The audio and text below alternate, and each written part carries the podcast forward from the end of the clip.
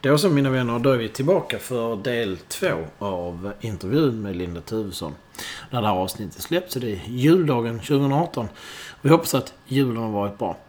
Jag vill innan eh, avsnittet eh, tar sin riktiga början speciellt trycka på att den som har tips som gäller kvinnlig cykling eller tjejer och cykling hör av sig till oss.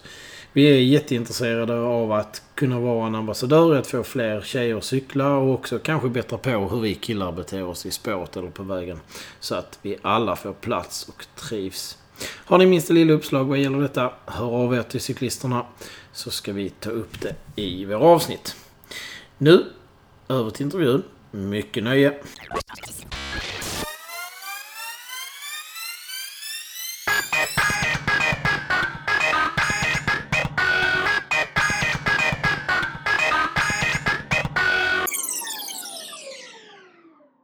Hur ser din träning ut? Vad är, nu, när vi, nu när du är frisk liksom? Nu är, jag, nu är jag frisk, på väg tillbaka. Eh, Jag brukar köra fem pass i veckan nu på vintern. Eh, Två hela vilodagar. Yes. Ja. Eller jag har cyklat till jobbet sådär fram och tillbaka. Alltså, det blir liksom ingen träning, jag skulle inte mäta någonting. Och Utan, då pratar vi om att cykla från Bjärred till Alnarp. ja men det är en, en halvtimmes cykling enkel väg liksom. Så. Mm. Ett styrkepass. Och där kör jag i dagsläget också stakintervaller. Eftersom jag har bestämt mig för att jag ska ta mig igenom Vasaloppet. Fler dåliga beslut här. Ja. Och Men du kanske inte, du kanske inte kör det själv? Jo. Ja, okej, förlåt. Fortsätt. Eh, jo då. Ehm, sen blir det ett distanspass i veckan, försöker hinna med. Och sen blir det tre pass till. Och det är väldigt beroende på var jag är. Alltså om jag är här eller i Falun eller någon annanstans och om jag har barn eller inte. Men ett lite mer styrkeintervallsbetonat och ett kanske mer VO2 max korta intervaller. Och sen något, det kan bli ett Swift race eller något sådär. Mm. Vad har du gjort dina, dina konditionstest? Jag har faktiskt haft olika. Jag körde ju Vättern Skoda Cycling Team och då blev vi testade på Activitus i våras. Och nu är jag faktiskt tränad av Marcus Streifert. Så då har jag fått hjälp därifrån. Vad håller Marcus till då? Han är ju kopplad till Guided Heroes och de använder den här plattformen Today's Plan där jag kan registrera alla, alla mina pass. Och sen får jag ju mina pass från honom så jag ser liksom, Han lägger passen jag- i, i Today's Plan till dig. ja. Ja. Så eh, jag måste vara den mest otacksamma kunden. är det så? ja, alltså det är ju en sak att lägga ett pass till någon som har liksom ändå ett 8 till 5 jobb måndag till fredag och sen har man helger. Jag har ju liksom, ibland är jag här, ibland är jag i Falun, ibland reser jag med jobbet och sen har jag då barn på 50 procent. Och ja men jag har ju så jag kan köra liksom gym både i Bjärred och i Falun. Jag går på Friskis på båda ställena. Men och jag har visserligen en cykel på varje ställe också, men förutsättningarna ibland blir ju liksom... Ska jag först jobba åtta timmar och sen har jag sju timmar i bilen. Den Ja. dagen blir det ju jättesvårt att hinna träna. Så då får Ja, man liksom skyffla runt. Ja. Ja, den är, den är tuff att få in ett träningspass också på 15 timmar brända redan. Ja, Ja. Friskvårdstimme kanske är något där, det arbetsgivaren. har vi på jobbet. Ja, Den, ja. eh, Nyttjar ja. du den? Jajamän, Ja, jag tänkte väl det. det är Ja. absolut. Ja. Men den är alldeles för... Den är en, gång, en timme i veckan. Det är för lite. Liksom. Det är ingen som betalar för att man ska ut och träna. Eller hur? Särskilt inte med det vi jobbar med. Nej. Men kanske... eh, Jag tänker så här. Du är den mest otacksamma kunden, men du kanske också är en utmaning. Jag tänkte på ditt eget jobb så är det inte alltid det lätta som är det roligaste. Ja, förlåt, jag såg inte otacksamheten i det där. Du betalar väl för dina tränings... Eller dina Jo, det gör jag ju i och för sig. Men det måste ändå vara lättare att liksom coacha någon som har ändå samma liksom... Du menar att de ska ta eh, någon annans träningspass och ge dig det pengar? Nej, jag, jag, Nej, där håller jag inte med. Nej, jag är nog kvar, jag är nog kvar på... Jag tycker inte heller det är otacksamt. Jag tycker i sådana fall att det är en utmaning. Ja. Ja. Det vill man ju ha. Det är Fan, ett jobb utan utmaningar, det, det blir man trött på fort. Ja. Ja. För mig, för mig är det ju värt Eh, jättemycket. Alltså dels har jag någon som ibland kanske bromsar lite. Det behövs nog. Ehm, Men också få kvaliteten i träningen. Men nu älskar jag att cykla så att jag har liksom kunnat cykla två timmar om dagen runt här. Bara för att det är så fantastiskt. Men det kanske man inte blir så himla duktig på. Fast det här är en helvetes grann traktarjävel också. Ja men det är det ju Ja. såklart. Ehm, men sen är det väl också hur man har man mycket... Jag och Henrik pratade om beslutseliminering för ett tag sedan. Jag tycker det är ett himla fantastiskt ord. Att man... Ja men om du har mycket i ditt liv och du inte vill bli stressad och man liksom inte vill ha för mycket. Så är det jätteskönt att eliminera bort sådana här beslut liksom. Och då tycker jag det är jätteviktigt att lägga någon tid på att tänka på vad ska jag träna eller vad ska jag köra idag. Utan det är liksom... Jag kan gå från att tänka att jag ska börja träna till att sitta på cykeln på fem minuter. Ja. Och så kör jag. Det är, det är skönt. Men där är ju... Där måste ju... eh, Vi pratar mycket om utmaningen med att vara förälder på 50%. Mm. Men där är 50% när du inte är förälder, det måste vara helt underbart det. Alltså, Socialt enkelt och helt plötsligt... Dessutom har du valt att slå påsarna ihop med någon som alltid hänger med på en cykelrunda Mm. också. Jo men det blir ju... Är vi, vi är ju barnfria varannan helg. Och då är ju båda barnfria. Ja. Och det är klart, då lever vi ju liksom Det blir inte mycket cykel då va? Det finns en risk. ja. Nej men då kan man ju liksom leva på något vis det livet man lever utan barn. Ja. Och sen ibland har vi några barn och sen då varannan helg har vi alla barn. ja. Och då är det ju liksom... Då är det mer Ja. fotboll sådär. Det är ett Ja, lag. Ja, vi har ju, det är ju nästan ett fotbollslag vi har. Nej men det är klart, då blir det ju mycket barn, Ja. barnfokus såklart. Det är fint, det är de som ska tjäna in pengarna sen när du går i pension. Ja, Ja. Jag brukar också säga det, jag har tre barn själv så. Mm. Måtte det bli någonting av dem så att vi kan ha Ja. en fin, fin pension. Ja, det sa dina föräldrar också, men de Ja. sitter ju där besvikna nu. Exakt. ja, men du, eh, vi, eh, ja, vi går från det där med din träning då till... Eh, du har ju säkert rönt några framgångar. mm. Mm. Nu ska vi inte vara blygsamma. Man ska fira framgången. Ja, vi ska Ja. fira Viktigt. framgång. ja det är viktigt. Det har vi gjort nu med bland annat pizza och kebabrullar. Eller förlåt, tacomiddag. Mm. Men eh, vad, vad har du för största framgångar? Enligt dig själv, det här är fullständigt subjektivt. Ja. Alltså, på det mentala planet var det att cykla till Falun. Det var ju liksom en, en match mot mig själv på något vis. Det är inte många på bröllop som trumfar det. Nej. Nej. Det är när någon drar upp en sån här Ironman så bara ja, jag cyklar ju från Bjärred till Falun. Eh, men det största... Vi var i Israel och cyklade förra hösten. Jag och Henrik. Ett tredagars etapplopp. Och det var... Vi slutade väl på en tredje plats. Eller var det andra plats totalt? Jag vet inte ens. Andra eller tredje plats totalt. Men det var liksom helt galet på något vis. Då höll jag också på med den här brottningsmatchen, huruvida jag var cyklist eller inte liksom. Och sen fick vi en fråga ganska sent. Vi hade bara två veckor till tävling. Fick vi frågan om vi ville åka ner och köra. Och då är det klart man säger ja. Ja. För det gör ju jag. och sen planerade vi ihop det här snabbt. Alltså det handlar ju om att ledigt från jobbet och skaffa barnvakt. Mm. Men också lösa liksom hur packar man en cykel? Vad behöver man för energi? Alltså vad är vädret i Israel i september liksom?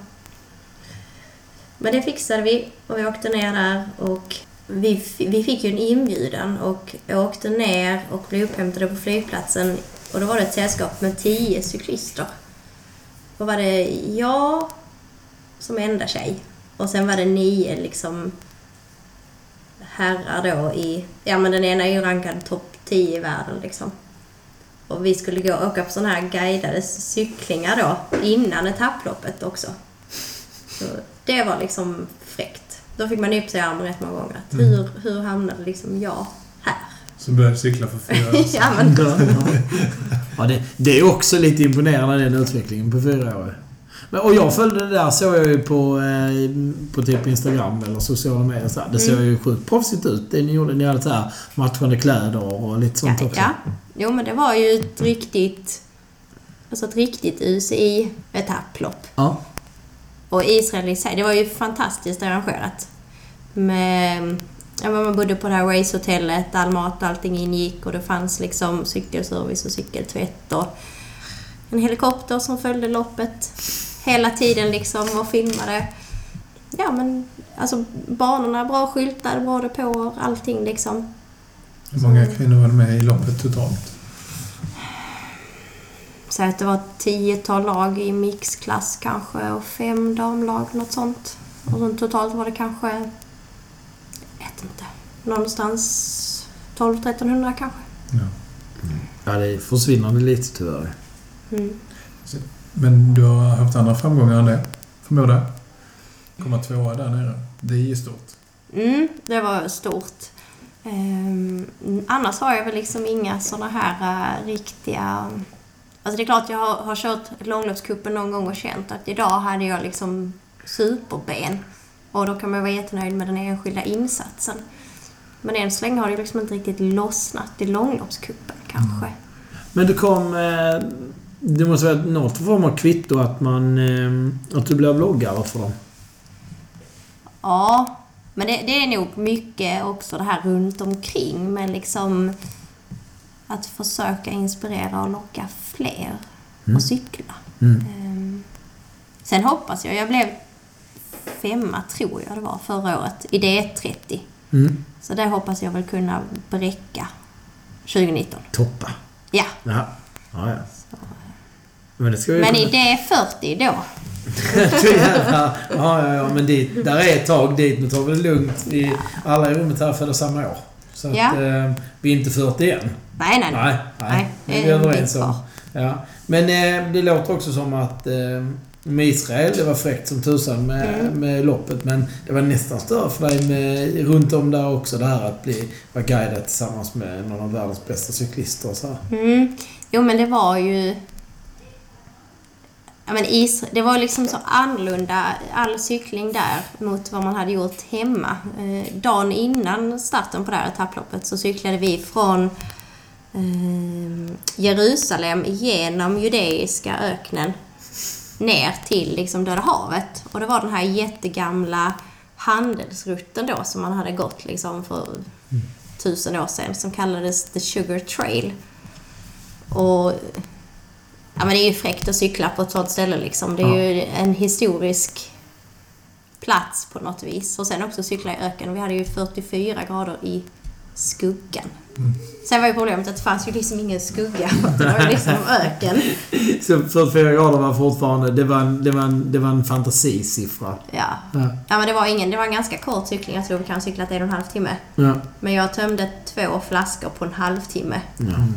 Och man ville liksom inte ens stanna med cykeln för att huden, det brände, solen brände liksom på Och så du behövde huden. vind, fartvinden. Så ja, Ja. nej, det blev ju så, det var som att cykla i en föl på något vis. Ja. Men, eh, men det var ju, det är liksom en sån sak som är fräck. Och sen skulle de här killarna, de skulle köra race liksom dagen efter. Så de skulle liksom hålla på att psyka varandra då ju. Såklart. Om vem som kunde köra upp för den brantaste backen snabbast då. Och då fick du bara första paket på, som åskådare, eller? Ja, men jag, körde, jag bara körde på. Och sen till slut hade jag som målbild att komma till bussen med AC. Det är också en målbild faktiskt.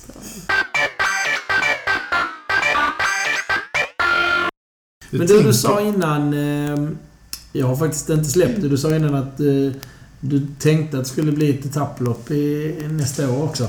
Mm. Är det något särskilt som är i, i åtanke då? Eller det är hemligt kanske? Mm, nej, vi har väl tittat på ett par olika.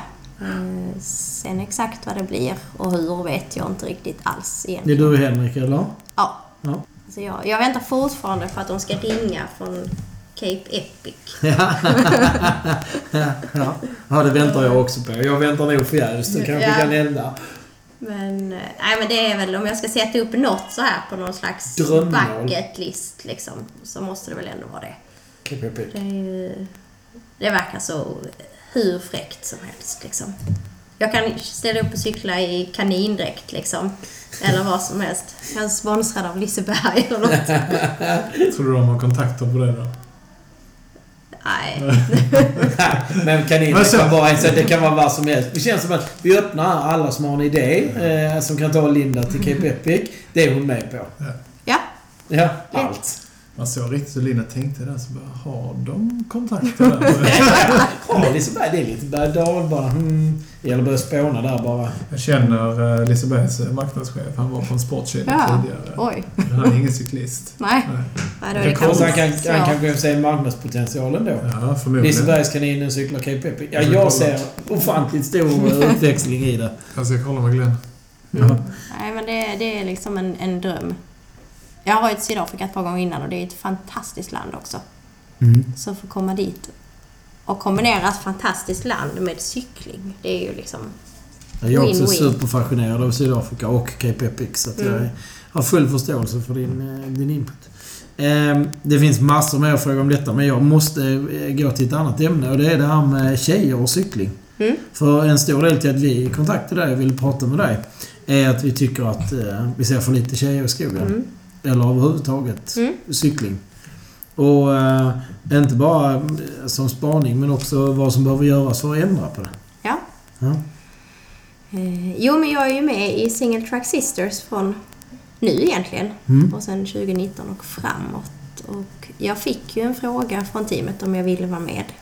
Och nappade direkt just för att där ser jag ju en möjlighet att locka fler tjejer. De har ju många och har haft många teknikdagar eller träningsdagar för tjejer. Där det har kommit jättemånga och har Mm. ett jättestort intresse. Ja, de har blivit slutsålda kan man säga. Ja, de sl- säljer slut direkt liksom.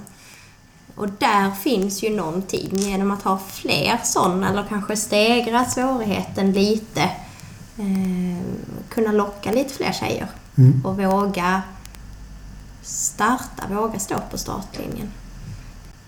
Men tror Ja, men det är fortfarande fler killar än tjejer som cyklar. Och sen är det ännu fler killar än tjejer Ja, som åker till man på- tävlingarna. Ja. Så att dels måste vi få fler tjejer att börja cykla, men vi måste också få fler tjejer att vå- våga tävla. Men, kort eh, back bara. Single Track Sisters för våra lyssnare som inte vet vad det är. Ja. Eh, det är ett skånskt lag som startades för, för fyra, fem år sedan. Eh, består av fem tjejer som kör mestadels mountainbike, lite cross också. Med just liksom mål att kunna locka fler tjejer att börja cykla. Mm. Sen är det ju också fantastiskt att vara en del av ett team. Alltså det är det här med jaget och viet på, någon, på något vis. Men det är genuint bra människor också. Vi känner till några Ja, stycken precis. därifrån. Så det känns liksom fantastiskt härligt att... Och ni körde Musikhjälpen cykling här häromdagen. Ja, precis. Eh, bara en sån sak liksom, att kunna locka. Eh, nu var ju vädret inte det bästa den dagen. Nej, det- var det inte förra året när vi var med och eh, hjälpte till ute i Genarp heller. Då var det också tväruselt. Ja, skånsk vinter. Men Ja.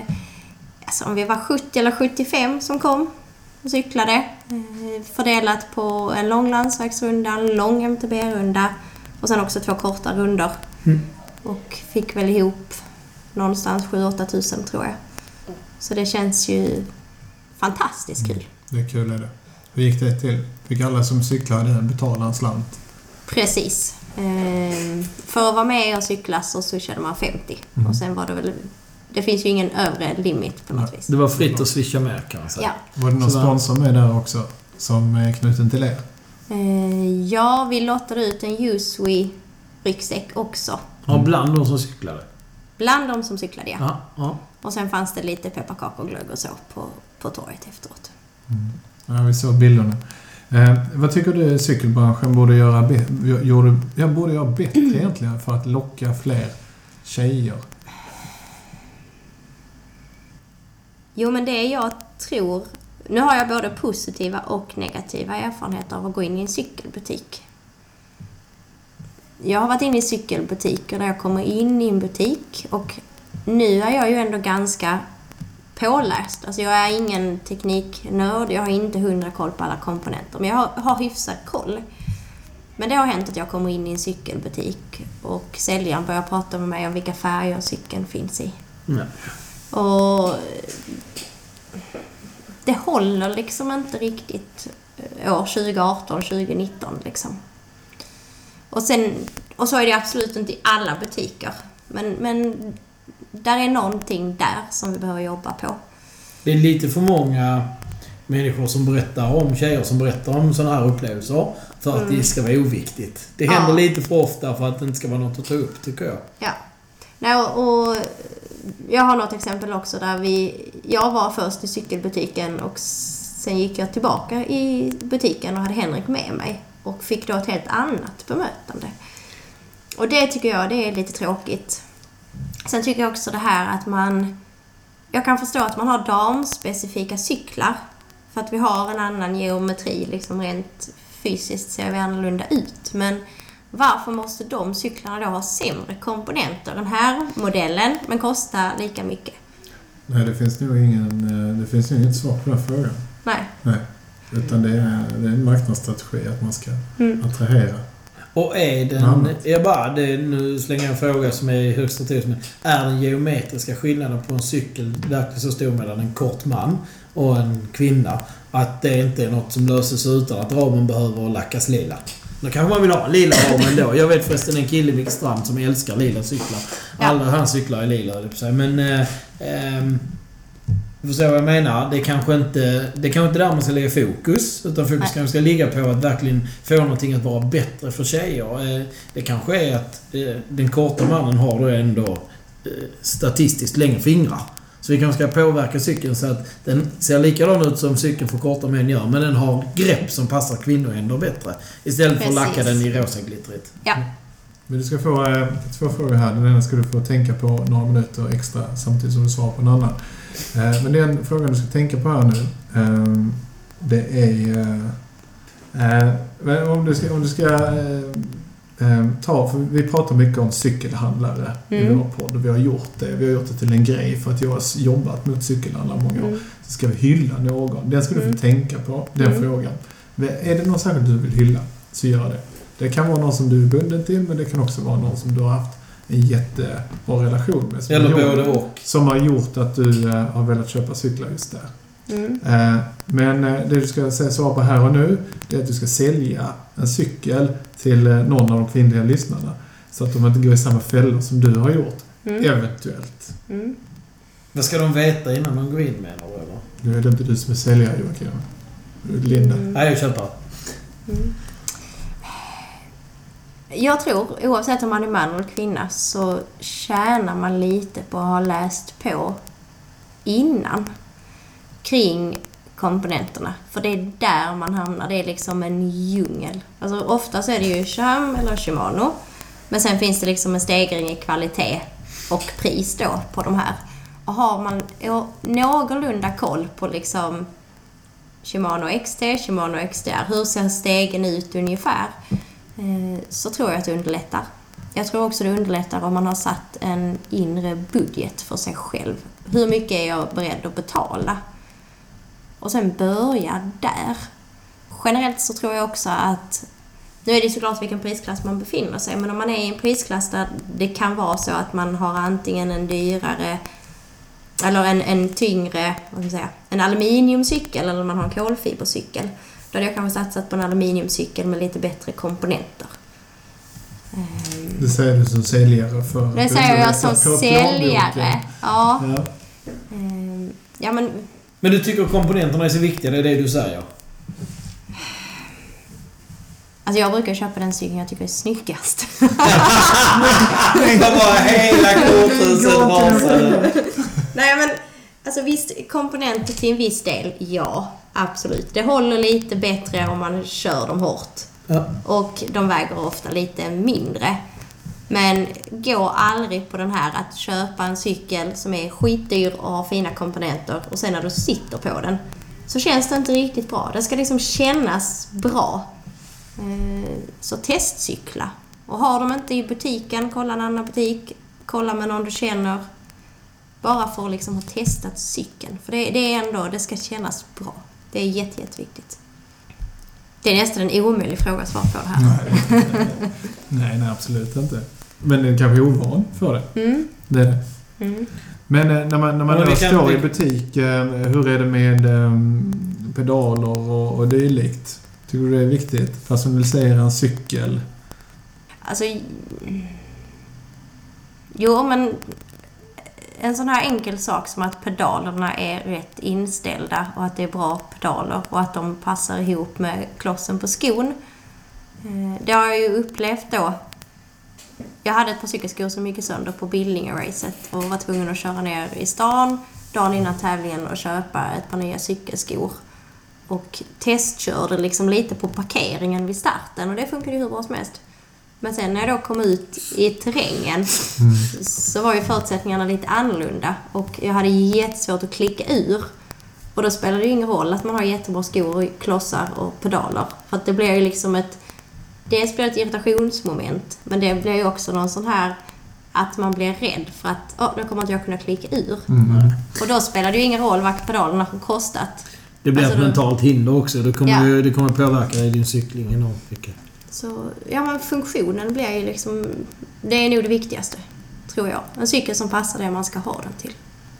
Ja, det är klart. Jag köper ju inte en landsväg för att köra Billinge-racet. Nej. Nej, men man behöver liksom inte heller en cykel för 50 000 för att köra Cykelvasan på, på fem timmar liksom. Nej, men det kan man inte säga till alla cykelhandlare som har fått. Nej. För det är det som bär deras försäljning. Ja. För cykelbranschen litar mycket på de här två loppen. Det är Vätternrundan 1 och sen Cykelvasan 2. Ja. Ja. Men eh, vi har en riktig vattendelare mellan mig och Micke också som du ska få Mm. svara på.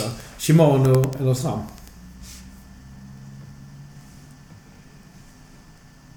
Oj, måste jag välja? Ja. Alltså jag kör SRAM på landsvägscykeln. Jag körde fram på och kommer köra fram på MTB'n kommande säsong också. Men jag körde Shimano XT på min förra MTB och var nöjd med det. Så. Alltså jag upplever att den växlar lite bättre än Shimano. Shimano är liksom säkrare växlar. Men... Eh, jag vet inte.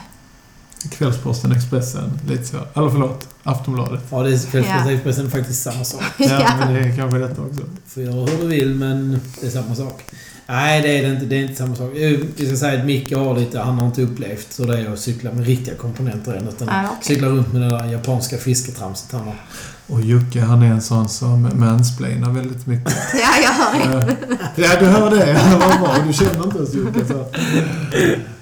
Nej, jag tycker att eh, när folk säger till mig alla tycker så här, du utmanar det. Det, det är Ja. inte för mig att, eh, att stå för sin åsikt. Mm. Om alla säger det, var är alla? Jag vill Ja. höra alla säga detta. Ja. Nej, men jag, på det viset är jag liksom inte så himla tekniskt insatt. Alltså, jag vill ha en bra cykel som är lätt och som fungerar och det ska inte vara några konstigheter. Men sen om folk frågar mig, ja men som det här med vad har jag för utväxling eller vad har du för axlar? Som nu när jag skulle köpa hjul till den nya cykeln då, vad har du för axlar? Alltså jag har ju ingen aning. Boost.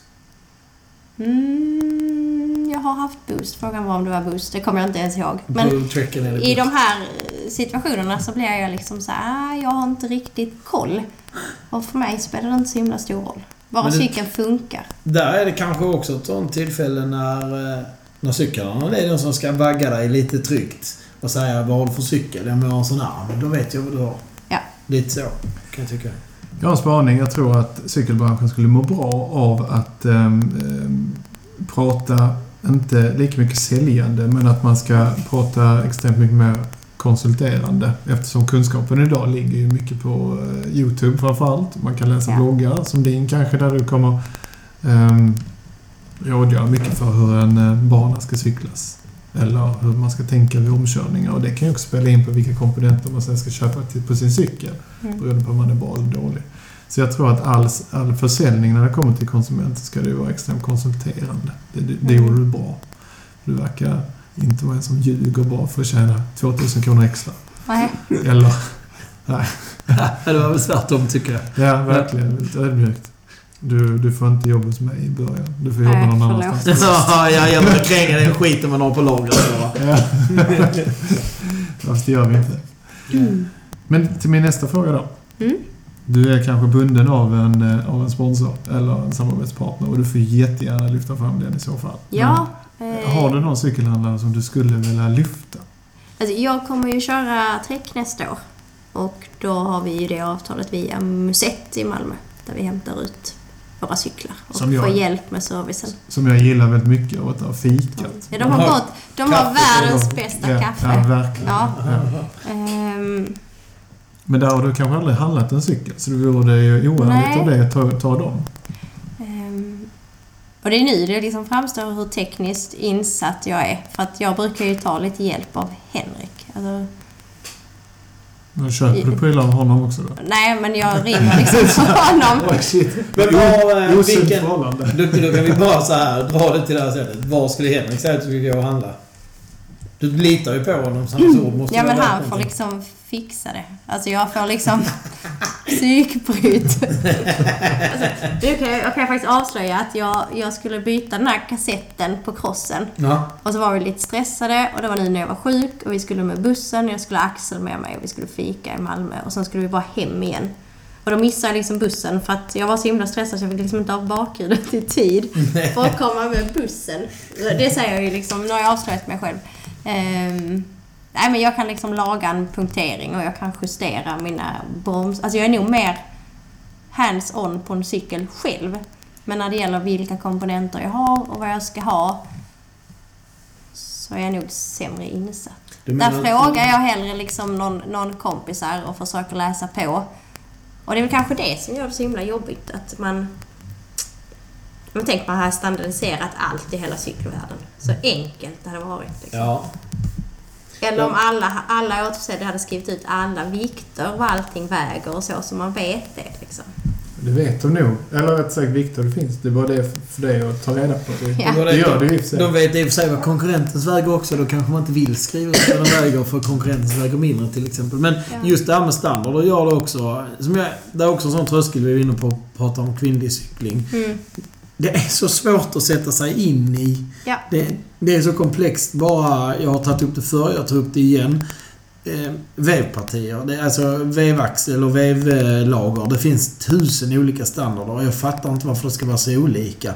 Det är samma funktion på alla cyklar. Det är en axel som går igenom ett lager och sen ska det snurra för att man trampar. Och Ja. ändå finns det eh, så många så det är nästan omöjligt. Ja. och det är där jag tänker liksom att steg ett är att bestämma Ska du ha en hardtail eller en heldämpad? Och kör du inte väldigt tekniskt så har du inget behov av en heldämpad cykel. Och sen är nästa steg, hur stor är du? Ska du ha 7,5 eller ska du ha 29 tums hjul? Och sen, vad har du för budget? Och är det 15 000, 25 000 eller 50 000, ja då kommer du kunna välja olika cyklar. Mm. Men sen välj den som känns bäst. Mm. Ehm, man kommer aldrig fälla en cykel på att den har ett visst vevparti, tror jag. Nej, Nej, det går att byta. Kanske inte. Det går att byta. Ja. ja, men om man inser liksom. kan köpa rätt från början. slipper man byta. Nej.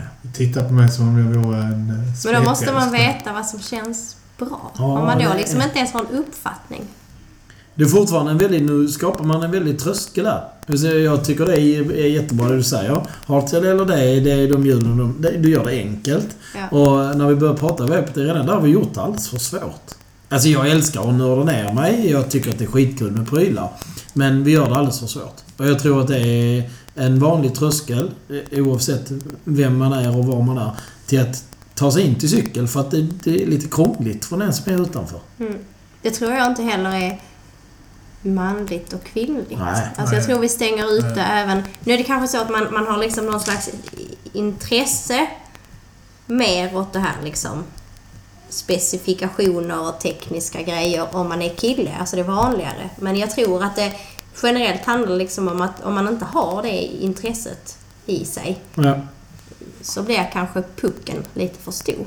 Och det är extremt stor generaliserande då, men det finns ju kvinnliga ingenjörer också. Ja. Så det nu, finns ju är jag ju, säkert...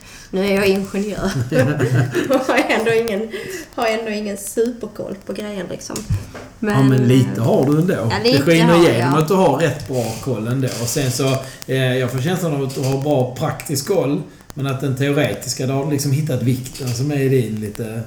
Ja, men det är nog... Vikten har jag liksom insett blir... Men nu väger jag 55. Och Ja. väger då cykeln 9 eller 11,5 Ja. det spelar liksom stor roll för mig. Ja, ja. Ehm, väger man 80 så är ju cykeln som procent av kroppsvikten, det blir väldigt liten skillnad liksom. Ja, det blir som. Det, det du cyklar på, om du väger 55 och cyklar på någon som väger 9 kilo, så motsvarar det ju en, en 16 kilo cykel för en som väger 80. Ja, i princip. Det är Ja, så liksom. Typ. Så, Och det är klart, då spelar vikten roll. Ja, det är klart det gör. Mm. Ja. Mm. Så vi får ingen cykelhandlare av dig?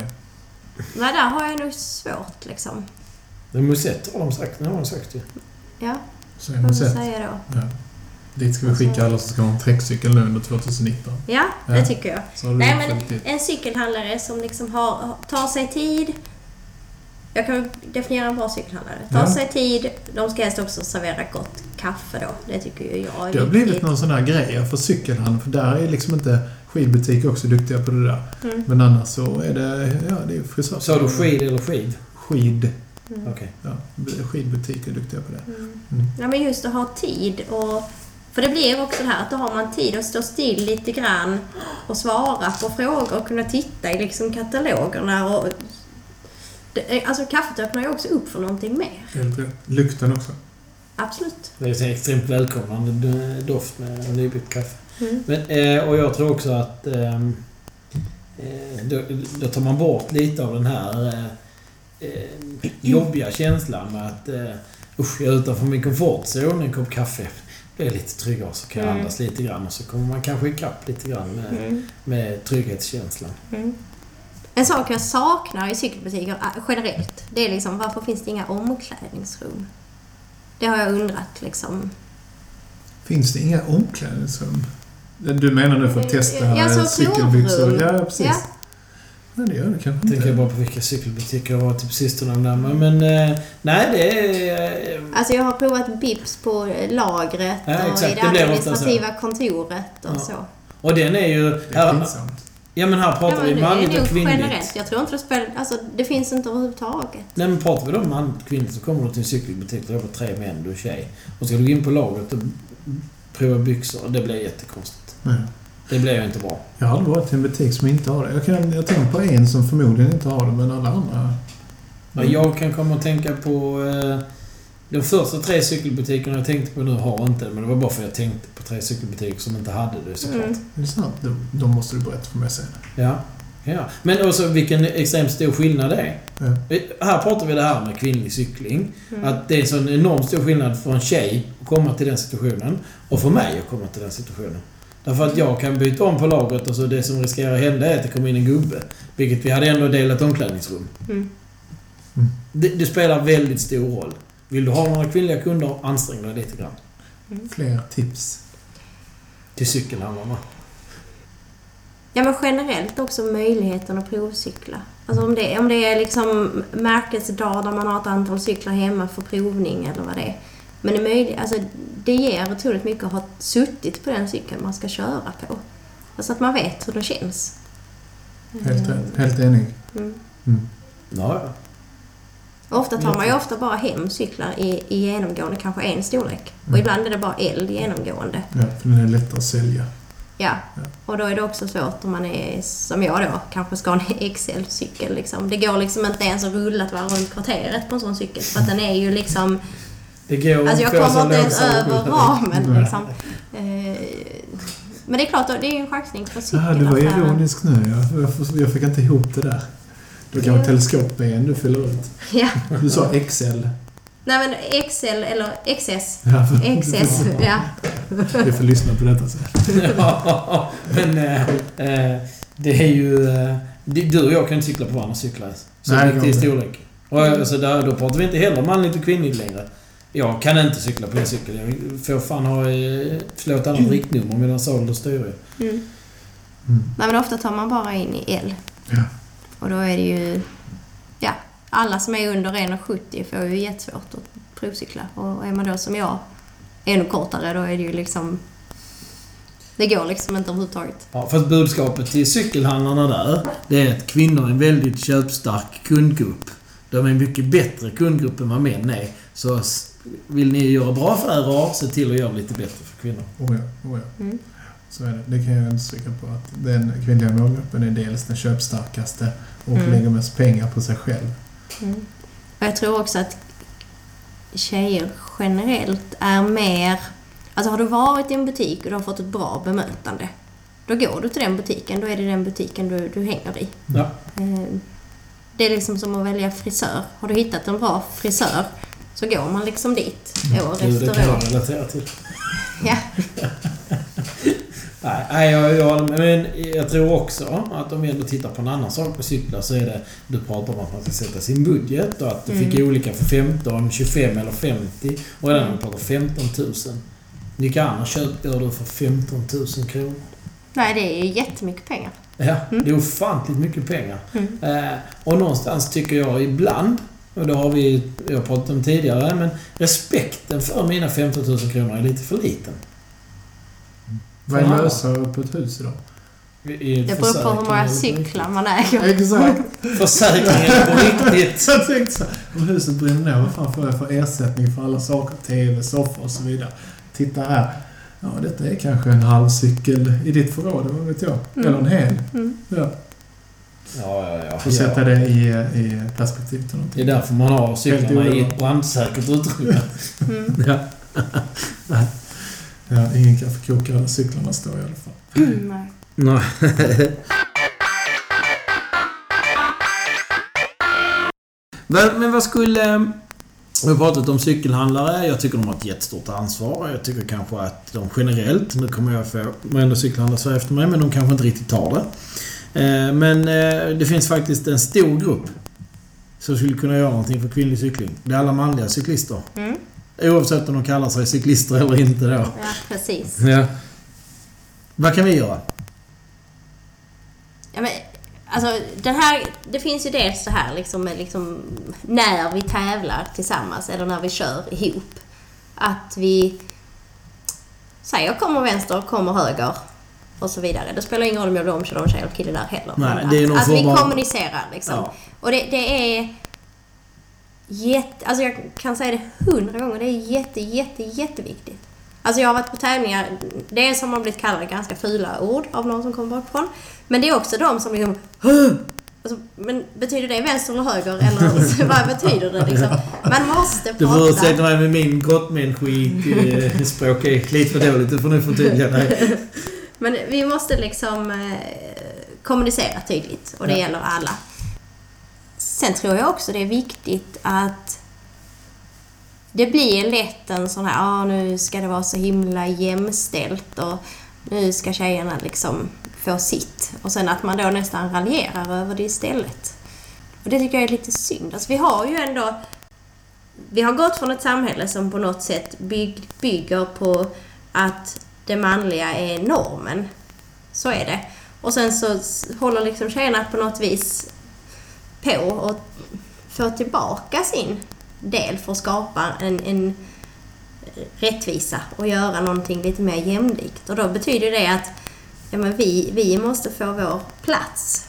Men det betyder också att killarna kanske liksom måste maka sig lite. Det är väldigt få killar som kör motionsklass som höjer en röst och säger kan vi inte bara lägga vår start också fem minuter senare? För allas skull. Mm. Utan det blir ju oftast bara damerna, och då är vi kanske 25-30 i tävlingsklass, som liksom på något vis ska stå upp för alla damerna, som Ja. inte är så många. Men om motionsledet också generellt hade sagt att nej men det blir faktiskt en bättre tävling för alla om vi, vi har nu har vi kört mycket att det är fem minuter till herrelit och sen damerna och sen fem minuter till och så kommer motionärerna. Ja men om man kör 5, 5 och 15 Mm. eller 20 eller 35. Vilken inte vet skillnad jag. gör det?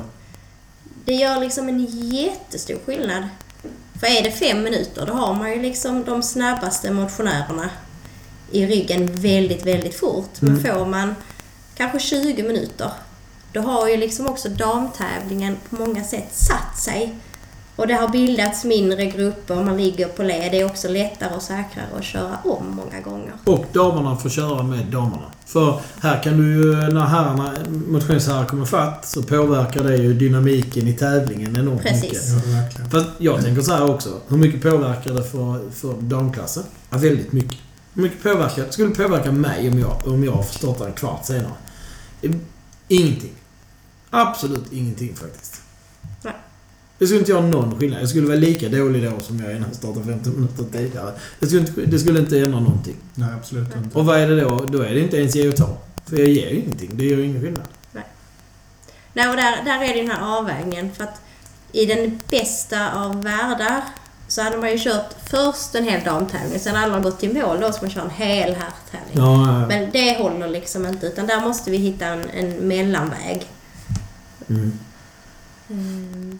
Men vad gör vi utanför tävlingen då? Hur får vi... Eh, hur får vi ut fler tjejer på vägarna och i skogarna genom... Alltså, vad gör vi män annorlunda för att det ska bli bättre?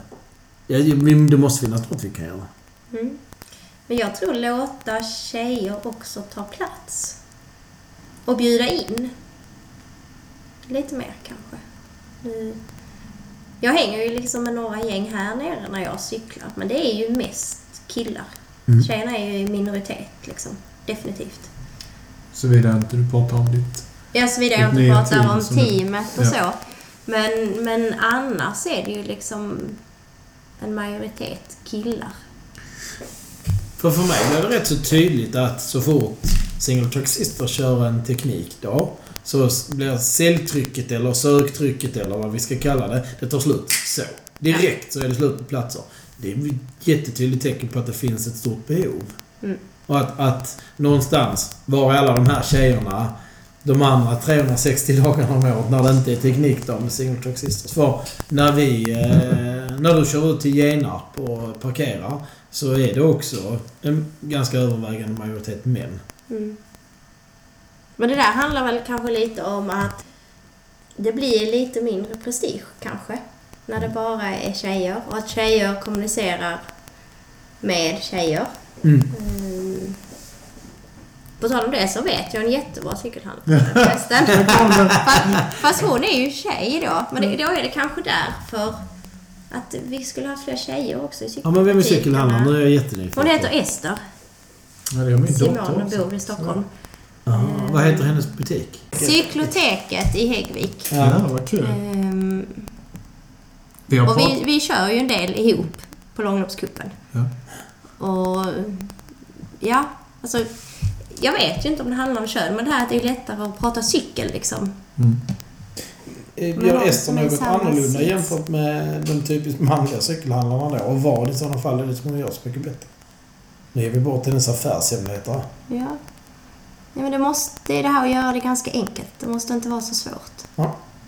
Och sen seriöst. För cykloteket känner jag väl till och de är otroligt seriösa. Så, ehm, ja, vi har mer här tror jag. Ja, ja, ja. Du, du får komplettera när det kommer på fler cykelhandlare. Eller vi tar gärna emot. Besöker man en cykelhandlare som man är väldigt nöjd med. Då Mm. vill vi gärna veta det. För vi, vill, vi kom fram till någonstans att dissa, mm, nej. Men hissa gillar vi. Ja. Ja, nej. Vi ska summera detta här nu, men jag inser ju nu att det finns så otroligt mycket mer vi kan prata om. För att vi har ju pratat mycket mellan raderna här, plus att vi har pratat eh, som vi inte kommer att spela upp. Mm. Eh, denna gången. Nej. Nej. Eh, Men om jag ska summera detta eh, som människa så verkar du oerhört seriös. Eh, Du verkar ju eh, älska cykling, det kan man ju lugnt säga med tanke på hur, eh, hur du har beskrivit källare uppe i Falun plus eh, hur det ser ut här hemma med en trainer på den centrala punkten, köksbordet, mer eller mindre. Vilket är viktigast? Mat eller cykling? Ja. Det är 50-50. Kan man sitta och käka på en trainer? Ja, det har du säkert gjort. Nu är det en testcykel inte en trainer. Nej, förlåt. Jag, menar inte Jag måste rätta dig. Monark. Mm. Ja. Ja. Eh, Men eh, du verkar också vara ganska så, så lugn och inte göra saker och ting helt eh, i, i all hast utan du är nog ganska analytisk människa. Så. Mm, Det kan nog stämma, ja. Och ett favoritord som eh, vi har, pragmatisk. Ja, exakt. Mm. Du är nog oerhört pragmatisk faktiskt. Mm. Det återstår att se. Vi pratar Mm. nog med varandra flera gånger. Och sen så har vi pratat lite om det här med, eh, med tävling och hur vi ska bete oss. Som är väldigt viktigt. Det tror jag alla behöver veta. Så det Mm. hoppas jag verkligen att vi får läsa om i så fall i din blogg. Mm. Eller om du kanske till och med ska göra en vlogg och visa Mm. med dina gestikulerande sätt. Långa finger och... Sluta med, sluta med rör och säg vilken sida du tänker cykla på. Exakt. Ja. Ja. Eh, nej, men sen, och sen så har vi då pratat om eh, dina, eh, vad, du har gjort för någonting. Och det var ju otroligt intressant att höra vad du gjorde. Du cyklade alltså från Bjärred, lilla Bjärred på västkusten i Skåne hela vägen upp till Falun. Och det var effektiv tid, vad sa vi? 28 timmar? 28 timmar. Rulltimmar 33 totalt. Ja. Ja. Ja, på grund av att din mamma inte hann med dig. Eller vad? ja. Hon kör bil för långsamt. är jätteroligt. Nej, fruktansvärt. Men, eh, och eh, det säger ju mycket om din ambitionsnivå också. När man väljer att cykla från Bjärred till Falun så har man redan satt en, eh, en viss gräns på vad, när man tänker använda ordet omöjligt. Mm. Typ aldrig. Alltså det är aldrig pannbenet som är den begränsande faktorn för mig. Vilken är din begränsande? För, för herregud, det är inte cykelbenen heller om man cyklar till Falun. Ja, men det det behöver väl... du inte hata. Du behöver inte Nej. ta det här. Men, Nej. nej. En annan sak som också är oerhört imponerande och det är någonting som jag ju kan klara av. Det är att jonglera det här vi kallar sociala livet med ett jobbliv eh, utan att bitcha om det. Du har inte bitchat en enda gång. Vi kan lägga ut vad bitcha betyder. Vi kan länka det till Wikipedia. Men just det här att inte gnälla, för du har ju eh, dubbla boende och du har familj som, eh, som, som lever med dig. Och det gnäller du inte om. Och sen så då givetvis ska det bli oerhört intressant att höra hur det går nu med din Cape Epic-satsning. Du kan, ju inte, du kan ju inte bara säga, du måste ju göra nu också. Nej, som Lisebergs kanin dessutom. Exakt. det blir bara bättre och bättre. Och hör vi någon i podden som vill sponsra det med vad det kostar för att köra den där så ska vi se till att du får. Ja, vi är beredda att förmedla vilken typ av kontakt som helst. Alla moraliska aspekter åsidosatta. Eh, för att eh, Linda ska komma till Cape Epic. Det är du som lovar detta nu. Ja, ja, jag står för det. Ja. Nej, men detta vill vi också summera att det har varit ett otroligt lättsamt samtal. Det har faktiskt inte varit svårt någonstans. Och detta är din typ första gången du pratar eh, i en intervju. Ja, Ja, och då har du gjort bra. tack. Så vi tackar för att vi kommer hit här i din eh, träningsgrotta och, Ja. och får prata med dig då. Ja. Och så säger vi, vi säger på återseende. På återseende. För det är vi rätt På övertygade om. återseende. Ja. Och lycka till med eh, det nya teamet 2019. Och långloppsbloggen. Ja. Och kanske vloggen. Vloggen också. Ja, Ja. det är ett uppslag.